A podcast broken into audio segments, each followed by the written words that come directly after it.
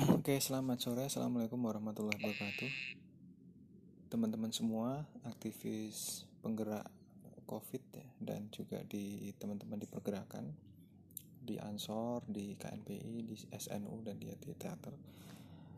Jadi saya sedikit saya ingin menambahkan tentang acara ini ya bahwa COVID untuk varian Omicron ini mungkin secara gejala lebih ringan, secara mortality rate juga lebih rendah ya. Tapi saya mau menjelaskan satu hal yang tidak boleh disepelekan. Bahwa pertama, COVID varian Omicron ini tidak mematikan semematikan varian Delta. Karena tingkat kematiannya itu dalam tanda kutip hanya 0,3 hingga 0,7 persen atau sekitar 10 kali lebih rendah jika dibandingkan dengan varian Delta yang tingkat kematiannya 2 hingga 5 persen. Seharusnya tidak apa-apa, seharusnya ya, seharusnya tidak apa-apa. Tapi coba kita uh, uraikan. Intinya begini, jika diremehkan, jika diremehkan ini maka maka akan menimbulkan banyak korban juga. Ya, kenapa? Karena sebelumnya ingin uh, saya coba coba urai dari dari dari dari permutasian virus ya. Bahwa virus itu bermutasi secara acak. Ya, sudah sederhana itu. Tujuan mutasi itu adalah untuk menghasilkan variasi-variasi minor yang dalam jangka waktu lama itu menghasilkan apa itu e, varietas. Varietas-varietas dan dalam jangka waktu yang jauh lebih lama itu akan menghasilkan spesies baru yang memiliki fitur dan keragaman. Nah, namun hasil mutasi yang paling adaptif adaptif ya di lingkungannya inilah yang akan menyebabkan uh, produk mutasi itu paling dominan. Ya. Semua makhluk hidup itu egois kok, ya teman-teman ya. Nggak hanya manusia, mereka hanya memikirkan dirinya sendiri atau eksistensinya atau eksistensi jenisnya ya. Jadi virus Covid itu membunuh manusia sebagai inangnya, maka untungnya apa bagi bagi bagi virus? Ya. Kalau dia membunuh inangnya, terus untungnya apa? Kan kalau dia bunuh inangnya atau manusia, dia juga mati kan. Tapi untungnya apa? Gitu ya. Jadi gini, lethal rate atau fatality rate atau mortality rate dari COVID varian Delta itu kan berada di 2, 2 sampai 5 persen kan. Sedangkan COVID varian Omicron itu berada di 0,3 sampai 0,7 persen tadi yang saya jelaskan. Ini sebenarnya kalau kita lihat secara persentase itu nggak perlu dirisaukan, kan begitu, nggak perlu risau lah, nggak perlu panik lah, nggak perlu nggak perlu takut gitu ya. Tapi di dalam teori evolusi teori evolusi bagi virus itu akan lebih menguntungkan jika virus ini menjadi kurang mematikan garis bawahi kurang mematikan tetapi lebih menular. Bagi virus sudah ya bagi pemikiran virus dia lebih menguntungkan jika tidak begitu mematikan tapi lebih menular. Karena apa? Karena dengan begitu cepat menular, mereka akan berkembang dengan cepat sehingga eksistensi spesiesnya akan terjamin. Bagi kita sebagai manusia, varian Omicron tentu akan menjadi kurang mematikan bukan berarti kita bisa lega dan menyepelekan kan gitu. Mengapa? Karena gini, varian ini lebih cepat menular. Jadi kalau saya gambarkan di dalam grafik ya. Ini ada grafik teman-teman bisa share screen ya di sini ya.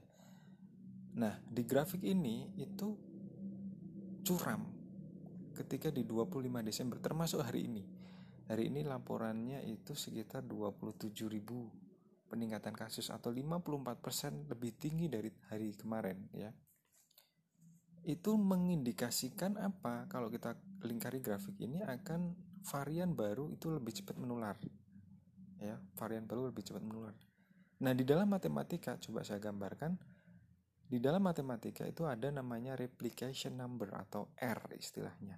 Dan ini diterjemahkan sebagai seberapa cepat atau lebih tepatnya seberapa banyak penyakit ini ditularkan dari satu orang ke orang lainnya. Untuk COVID Delta misalnya, kita bicara Delta, nilainya berada berapa tadi? 1,1. Nilai nilai nilai R-nya itu 1,1. Pernah mencapai 1,7 di India waktu itu. Sedangkan Omicron ini sejauh ini ya, sejauh ini berada di kisaran 1,4. Artinya apa? Artinya angka ini adalah satu orang itu yang terinfeksi COVID Delta akan menularkan penyakitnya ke 1,1 orang lainnya. Sedangkan satu orang yang terinfeksi COVID Omicron akan menularkan penyakitnya ke 1,4 orang lainnya. Misalkan nih, misalkan ini saya gambarkan ya. Ada 10 orang terinfeksi COVID varian Delta, maka keesokan harinya ada 21. Dari mana? Dari 1,1 dikali 10. 10 ditambah 11 kan begitu. Berarti ada 21 orang yang terinfeksi COVID varian Delta besoknya. Lalu jika ada orang 10 orang terinfeksi Omikron, maka keesokan harinya akan ada 24. Karena tadi R-nya 1,4. Ya, 10 per 14 kan. 10 plus 14 jadi 24. 24 orang ini adalah terinfeksi varian Omikron besoknya. Bedanya sih nggak signifikan, yang satu 21, yang satu 24. Betul nggak? besoknya delta bisa tertular 21 yang omikron 24 bedanya kan hanya tiga gitu ya tetapi kalau kita pakai rumus ini tadi dalam waktu tiga minggu saja untuk COVID Delta akan ada 640 orang yang terinfeksi.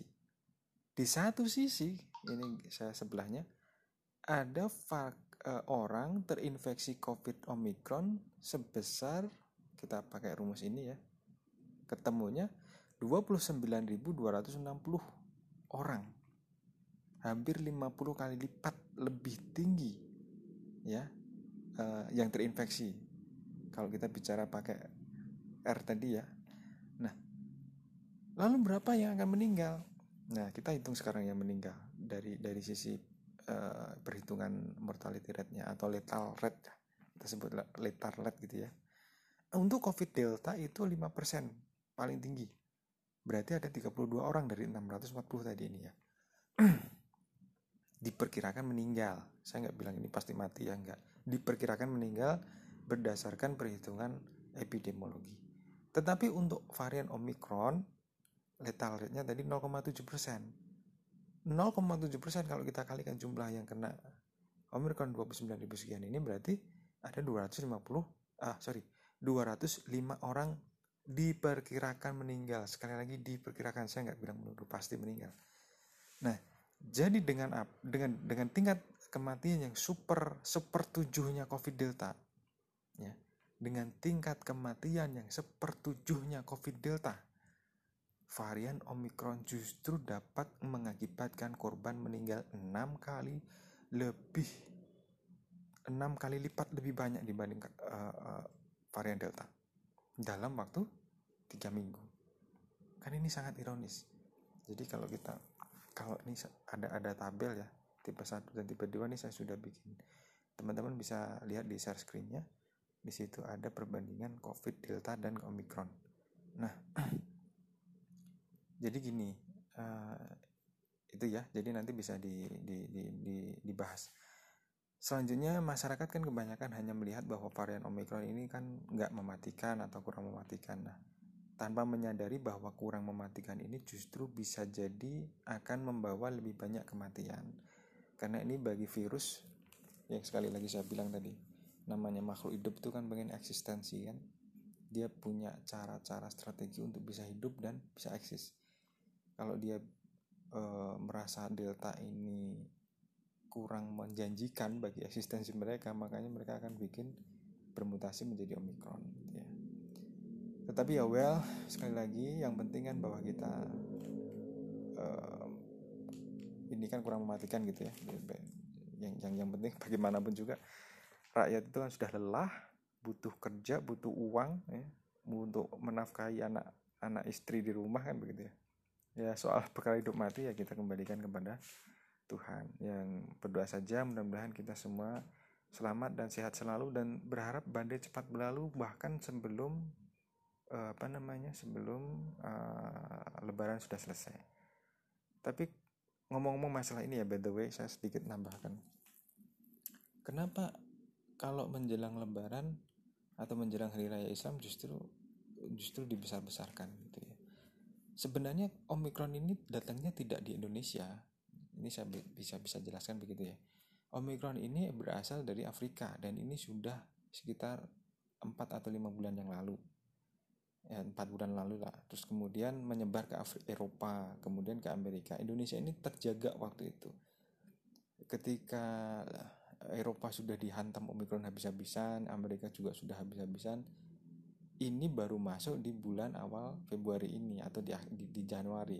Jadi sebenarnya kita itu kalau gelombang kalau kita ngelempar bola apa batu di lautan danau gitu ya bolanya itu jatuh di Afrika kemudian gelombangnya mengalir pelan-pelan ke Eropa ke Asia Tengah ke Amerika. Dan kita ini bagian gelombang-gelombang akhir ini gitu loh.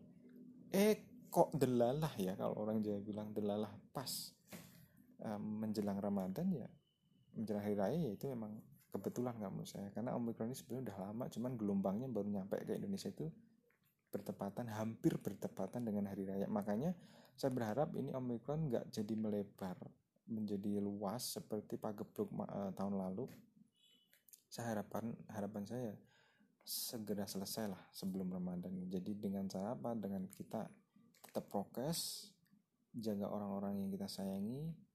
Kalau memang varian ini cepat menular dan akhirnya di antara kita misalnya kena ya harus segera untuk melakukan pengobatan sebaik-baiknya.